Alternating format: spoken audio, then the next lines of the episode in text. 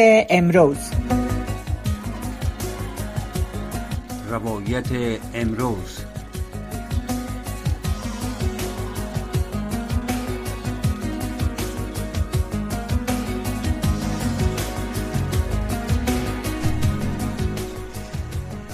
به عفو تو نبود و جنان جای مرا. به عفو تو نبود و جنان جای مرا. یارب و بزرگیت ببخشای مرا. گم کرده نیک پاکان را. ای هادی بندگان تو بنمای مرا. با راست رهانت آشنایی خواهم. از همسفران خود جدایی خواهم. در ورطه فتاده ام خدایا مدده.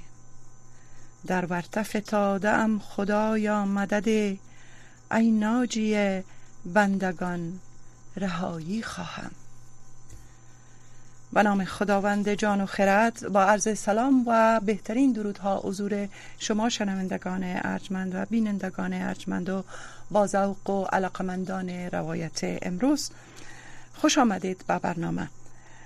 لیلما حبیب عظیمی هستم و دقایق چند با شما و مهمان عزیز این ساعت برنامه خواهم بود و در آغاز برنامه ربایی را دو ربایی را که شنیدید از جناب محترم پوهنوال احمد شاه رفیقی شاعر و نویسنده و استاد دانشگاه کابل بنیانگذار دانشگاه غزنی که مهمان برنامه امشب ما هستند و از طریق ارتباط مستقیم تلفن در برنامه حضور یافتند. جناب رفیقی با عرض سلام سپاس از حضور شما. خوش آمدین به روایت امروز. سلام بر شما و به شنونده های عزیز. تشکر از اینکه مرا به برنامه وزین و خوبتان دعوت کردیم. ممنون از حضور شما. خب جناب رفیقی لطفا در آغاز برنامه یک معرفی مختصر از خود داشته باشین از فعالیت های خود در دانشگاه ها و از فعالیت خود به ویژه در پوهنتون غزنی صحبت داشته باشین. فرمایید ما در سال 1331 تولد شدیم و لیسه سنایی در سنف اول تا سنف دوازده در لیسه سنایی غزنی درس خواندیم. بعدا در سال سیزده پینجا و دو شامل فاکلته ادبیات و همچین کابل شدم و بعد از فراغت باید معلم لیسه سنایی از تقرر حاصل کردم. و در سال 1361 با فاکل با لیسه ابن سینا تبدیل شدم و ماستری خواندم داخل خدمت و زمانی که تزیس ماستری خود دفاع کردم از طرف دو فاکلته ادبیات و همچنین کابل و فاکلته ادبیات یعنی سیتوت پیداگوژی دعوت شدم که به صفت استاد با اونا کار کنم. به نتیجه ما به حیث استاد فاکلته ادبیات انستیتوت پیداگوژی کابل در سال 1367 شامل شدم با رتبه پوهنیار و حال پوهنوال هستم. بعدا چند سال در پوهنتون به صفت مدیر تحریرات کار کردم و در سال 1387 از طرف مردم غزنی به حیث رئیس پوانتون غزنی یعنی اولین رئیس پوانتون غزنی پیشنهاد شدم و وزارت تحصیلات عالی وکلا والی غزنی موافقه کردن و می پیشنهاد مردم غزنی را تایید کردن بنابراین ما به صفت اولین رئیس پوانتون غزنی را بنیان گذاری کردم و در مدت چهار سال در حدود چل هزار جلد کتاب موبل فرنیچر و بلاک ساختم و 500 جریب زمین مربوط به انتون احاطه کردم و سایر تجهیزات مربوط به پوهنتون آماده ساختم زمانی که یک دوره از محصلین فارغ شد باز از وزارت خواستم که دیگه ما کابل میایم و کسی دیگر به یاد ما مقرر کنیم. باز بعد از انشاش ما پالیدن باز تانیستن که یک کسی را به یاد ما به صفت رئیس پوانتون روان بکنن و ما فارغ شدم. پس به پوانتون تعلیم تربیه کابل که در منده استاد بودم دوباره رفتم و فعلا بازنشسته هستم. به سبب که یک سال خدمت کردم و فعلا در کابل به سر می‌برم و مصروف جمعوری مقالات خود و اشعار خود و کلیات خود هستم که می‌خوایم کلیات اشعار خود نشر کنم در حدود مقالات زیاد من نشر شده در مجله های کابل و تعداد کتاب هایی که ما منتشر کردیم به هفت جلد می‌رسه و در آثار ما ذکر است. بسیار عالی. واقعا نام خدا با این همه دستاورد استاد محترم شما کارهای بسیار ستودنی و قابل استقبال را انجام دادین. در این حال که شما یک استاد مسلم در پوانتون ایفای وظیفه کردین در قسمت بنیانگذاری پوهنتون غزنی خدمات فوق‌العاده انجام دادین که سپاسگزار هستیم. از شرح احوالتان به طور مختصر که برای شنونده های ارجمند ما هم بسیار جالب و شنیدنی بود. و در حین در این حال شما فرمودین که چند اثر از شما منتشر شده. آیا میشه در مورد هر یک از این آثارتان اندکی صحبت بکنین که هر یک از اینها آیا مجموعه های شعری هستند؟ در چی موارد نوشته, نوشته شده؟ بله بله. ما آثار ما که هفت جلد از هفت عنوانش منتشر شده. بله. آثار منظوم و منصور است. آثار منظوم ابتدا یک کتاب به نام فروغ عشق منتشر شد. مجموعه شیری بود گزیده از اشعارم بود. که مورد استقبال مردم قرار گرفت و چهار بار اقبال چاپ یافت و احتمالا که در سال جدید چاپ پنجمش به بازار عرضه خواهد شد. و باید یادآوری بکنم که اکثر شعرهایی که در افغانستان کتاب شعرشان منتشر میشه از یک بار دو بار بیشتر نشر نمیشه به خاطر اینکه فعلا مردم ما بیشترش بیسواد هستن و تعداد زیادش هم مشکلات اقتصادی دارن و اونایی که, که می‌خواین کتاب بخرن اونا پول ندارن و کسایی که پول داره اونا کتاب نمی‌خرن.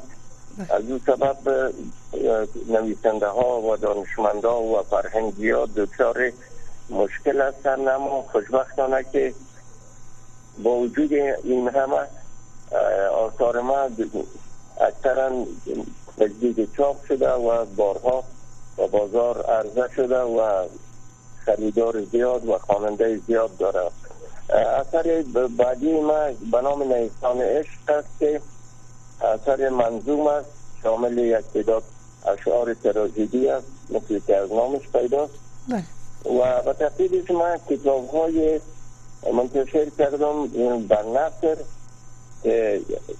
اولین کتاب را که نشر کردم به نام تصوف خراسانی در واقع کتاب درباره تصوف خراسانی تشریحات داده دیست صفحه هست که مورد توجه استادا قرار گرفت و در بسیاری دارو معلمین ها و پوانتون ها با یک کتاب درسی تصوف از او استفاده میشه. و کتاب دیگه ای که من منتشر کردم که او هم دو صفحه یا اندک بیشتر است. به نام سیر تصوف در اسلام است. کتاب تحقیقی است که از صده اول الا صده هشتم وقت تصوف است و تحقیق گرفتیم و دربارش تحقیق کردیم مطالب ویزه نوشته کردیم. و کتاب دیگه که منتشر کردیم به نام نصر ساده و مرسل هست که در واقع کتاب درسی هست 350 صفحه داره و تمام محصلین سنف اول و همتون ها فاکلته ادبیات و تعلیم تربیه و دارالمعلمین ها از کتاب استفاده می‌کنن. موضوعاتش موضوعات نصر ساده و مرسل قدیم است. تمام لغات و ابیات و اشخاص مشهوری که او بوده کل شرح شده. کتاب های دیگه هم هست که کتاب بعدی که ما ست صفحه هست. سر احوال و آثار خیر محمد نقشبندی نام داره. خیر محمد نقشبندی یکی از شعرهای ولایت غزنی هست که در حدود سه هزار صفحه شعر دارن و کلیاتش سه جلد است. هر کدام برابر دیوان شمس تبریز. یقین است ما بالای اشعار و احوال و افکار او صحبت کردیم و کتاب های دیگه و مقالات دیگه زیاد دیگه هم نشد کردیم که و یه مختصر شاید نمی جنده بسیار تشکر. به نام بله. تاریخی پوانتون غزنی هم منتشر کردیم که او خیلی زیاد صفحات زیاد نیست و از جمله آثار می‌تونه که باشه. بسیار خوب. تشکر. بله. از تعدادی از های ما. سپاس. شما های زیاد دارین و ممکن وقت بیشتری را در شرح آنها بگیره ولی خب به امی مختصر می‌پردازیم و در از قسمت شعر شما در قسمت شعر شما صحبت آغاز می‌کنیم. حال اگر بله. در یک نمونه از غزل های شما را بشنویم یا آنچه که روی دست دارین تا فرصت در دست است شما می‌دانین. برنامه وقتش کوتاه است و می‌خوایم شعر از شما بشنویم. باز بریم سراغ پرسش ها تشکر شما. می‌تونم من شعر در حدود سه دقیقه یا چهار دقیقه باشه. یک شعر بسیار خوب از دست گرفتم بخوانم چرا نه؟ احتمالا که بسیار مورد چهار دقیقه. قرار خواهد گرفت. خب بسیار خوب.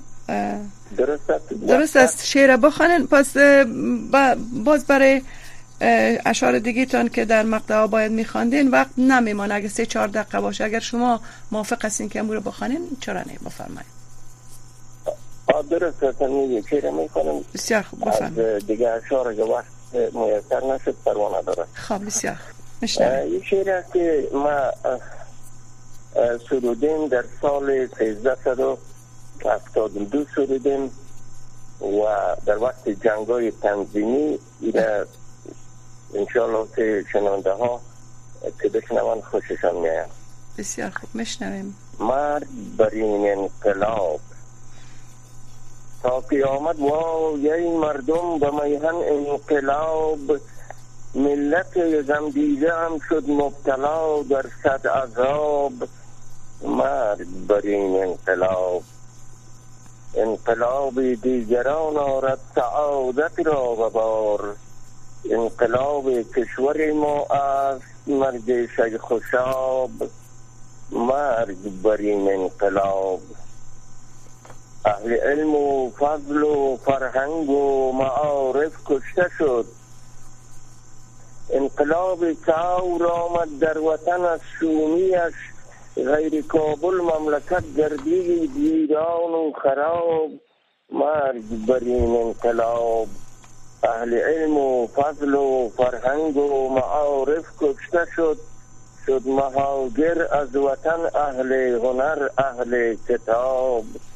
مرگ بر این انقلاب انقلاب ثور اسلامی بیامد ناگهان یک دومه آورد راحت بر مردم این سراب مرگ بر این انقلاب بعد از آن آغاز شد بالای قدرت کشمکش مردم کابل بشد در آتش قدرت کباب مرگ بر این انقلاب جنگویان کرد غارت آنچه بود در پای تحت بعد از آن با راکت و هاوان کابل شد خراب. مرگ بر این انقلاب شد مهاجر مردم هر دم شهید کابلی. اغنیایش رفت خارج بینوایش در تراب. مرگ بر این انقلاب. آن گروهی که از ریا دم می‌زد از سطر و حجاب. کرد اهل مملکت را آن زبونان به حجاب. مرگ بر این انقلاب. گاه در مکتب زمان در مساجد زیستند. نیز دولت نیز کس دیدند چیز جز اتاب مرگ بر این انقلاب. یک طرف شد قیمتی و قحطی و جنگ و جدال یک طرف آمد هاش بر ما استراب مرگ بر این انقلاب. روز صدها کس به کابل جان خود قربان کند. از برای کسب شاهی بهریان عالی جناب مرگ بر این انقلاب. رهبران افگنده فرزندان مردم را و جنگ. پور و دختشان به خارج می‌زند پیک شراب. مرگ بر این انقلاب. من نمی‌دانم شما ای رهبران جنگو چون از چون کشتار در محشر جواب مرگ بر این انقلاب. ای تبهکاران بترسید از چنان روز دراز. کم در آن روز سوزن همچو آتش آفتاب. مرگ بر این انقلاب. دسته دسته می کشید انسان را در مملکت. ای قصابان ما مگر هستیم پیشتان دواب مرگ بر این انقلاب. می روید در کعبه و سوگند و پیمان می کنید ای همه پیمان شکن فرصت طلب هست و کذاب. مرگ بر این انقلاب. کافران را خنده می آید به فعل و قولتان. خاصه چون گویید مایم پیرو شرع و کتاب مرگ بر این انقلاب من نمی‌دانم شما ای تاجران مرگ و خون می‌دهید تا چند ملت را چنین رنج و عذاب مرگ بر این انقلاب دیگر از جان همین ملت چی می‌خواهید که شد از عوض جنگ شما در زیر راکت شیخ خوشاب مرگ بر این انقلاب.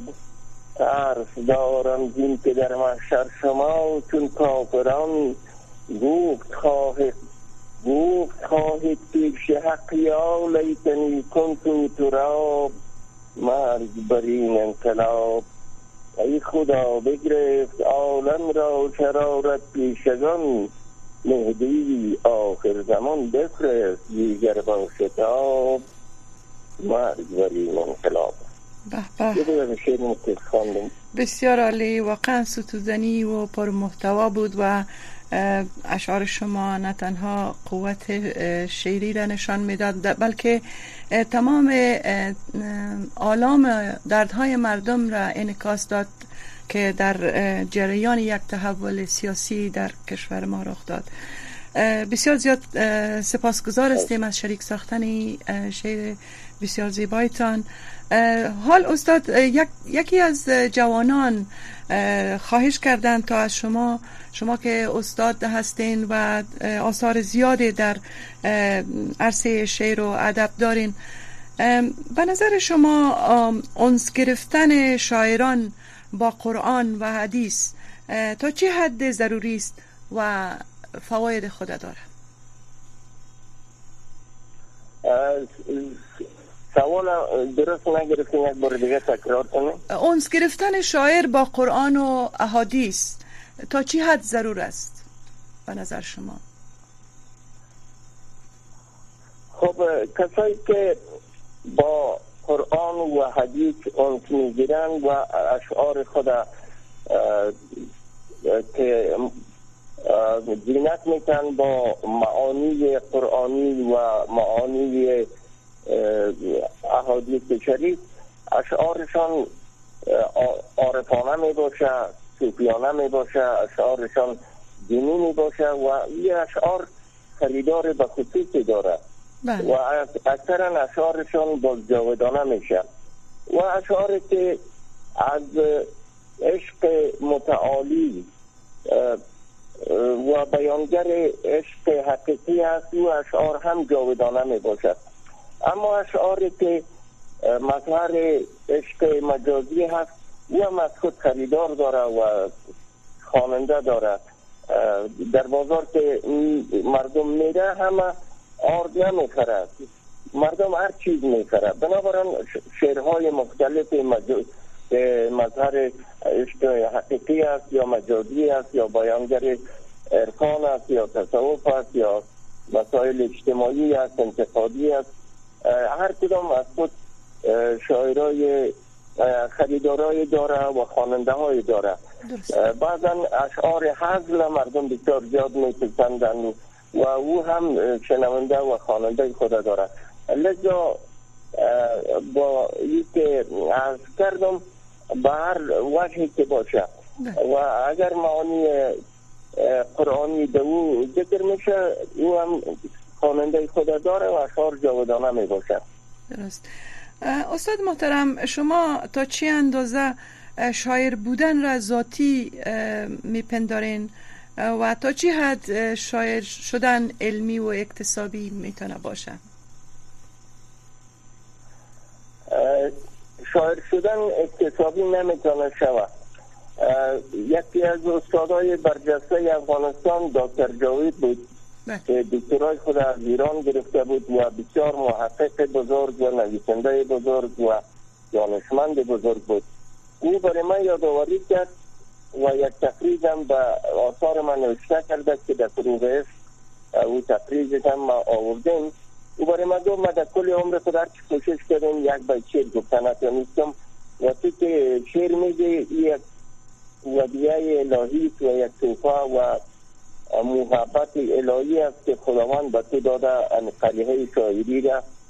و دکتر امیر محمد اسیر که دکتر تب بود و در این زمان به دلشناس بود و کتابش به نام شهر تور معرفت جایزه مطبوعاتی درجه اول سال 1354 در وقت داوود خان گرفت و کتابش چاپ شد توسط مطبعه بایحتی او نویسنده و دانشمند و به دلشناس هم برای ما گفت ما در کل عمر خود نتونستیم یک بیت بگویم. لذا شعر گفتن اقتصادی نیست. یعنی یک کسی که دانشمند باشه ادیب باشه بدی بیان عروض معانی قافیه را بفهمه این نمی‌تونه شعر بگوید. اما شاید یک کسی که همین چیزا را بفهمه و شاعر باشه فطرت هم شاعر باشه او با شعر بسیار دلنگیز و دلپذیر میگه. اگر همین مسائل هم نفهمه و بیسواد باشه اما طبع شاعری داشته باشه مثل بیقی مثل اشتری که بیسواد بود و شعر می‌گفت. میرمن نازگو بیسواد بود و شعر می‌گفت. دیوان از اشعار اونا را ما دیدیم و خواندیم. درست. لذا نتیجه گیری میشه که شعر اقتصادی نیست شعر فضلی هست یا شعر یک استعداد می‌خواه و شوق می‌خواه علاقمندی می‌خواه کسایی که می‌خواه که شاعر شود از اقل باید که همو استعداد شاعری را داشته باشه شوق و علاقه داشته باشه در حدود 20 هزار شعر حفظ بکنه شعرهای متقدمین بسیار بخوانه و بخوانه و بخوانه. باز در یک خداوند یک قدرتی را که خودش باز می‌تونه که شعر بگوید. باید یادآوری بکنیم که شعر و نظم فرق داره. احتمال داره که بعضی دانشمندا با زور یک نظم بگوید ولی شعر گفته نمی‌تونه. شعر چیزی است؟ کلام دلخیز و دلنشینی است که از دل میبرای و به دلها میشیند درست. بسیار عالی. در یا آخر یا در چند یک دهه اخیر بیشتر موقعیت به نام فضای مجازی به وجود آمده که بیشتر اطلاعات و نوشته ها از طریق فضای مجازی پخش میشه. حتی کسانی که قلم هم ندارن وارد فضا میشن. آیا فکر می‌کنین که فضای مجازی موقعیت مناسب برای شاعران حرفه‌ای باشه که از تیغ سانسور و نقد و تقریص و غیره فرار کنند و فکر کنند که بدون دردسر و راحت تر می‌تونن آثارشان از این طریق بکنند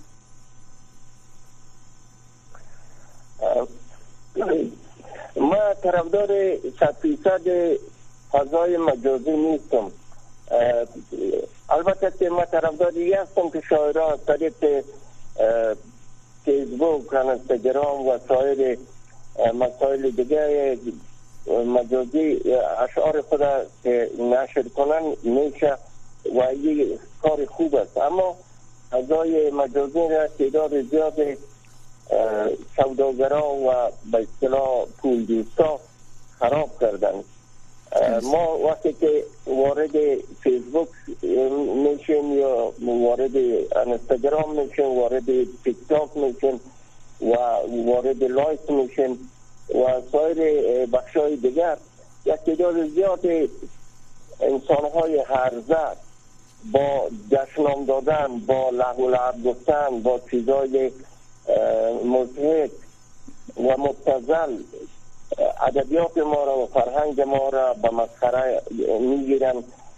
انسان متاثر و دلسرد می‌سازه از فضای مجازی. و بیشتر همون اشخاص بسیار موفق هم هستن like زیاد می‌گیرن کومنت زیاد می‌گیرن و از طریق همون like یا طریق تیکتاک یا سایر بخشا برشان پول میآید. اگر like زیاد بگیرن یا کومنت زیاد بگیرن برشان پول میآید. بنابراین اینا اگه دخترها هستن هم stage ای مضحک که نباید یک دختر بگویه و یادآوری می‌کنه از خاطر پول یا بچه ها اگه هستن هم که البته انسان سرد می‌سازه از فضای مجازی از یک مدت به این شکل دوام بکنه شاید که مردم اولادای خود نمانه که دیگه از دنیای مجازی مثل یعنی تیک تاک و لایک و انستگرام و بخش های مختلف دیگه استفاده بکنن برای که اخلاق جوانا را فاسد می‌سازن. جناب رفیقی با معذرت که وقت برنامه در بسیار خوب. سپاسگزار هستیم. با امیدی که در برنامه های آینده خدمت شما قرار داشته باشیم ناگزیریم با, خدا با شما خدافیزی کنیم. سپاسگزار هستیم از حضور پر نورتان در برنامه. ممنون شما. تشکر از اینکه مرزای برنامه وزین خوبتان دعوت کردن. ممنون از شما. تشکر سپاس. شنونده های ارجمند برنامه روایت امروز در همین جا خاتمه میابد برنامه بعدی صدای شماست که منتظر تلف... تماس های تلفنی شما همراه با زیبا خادم در آن برنامه خواهیم بود.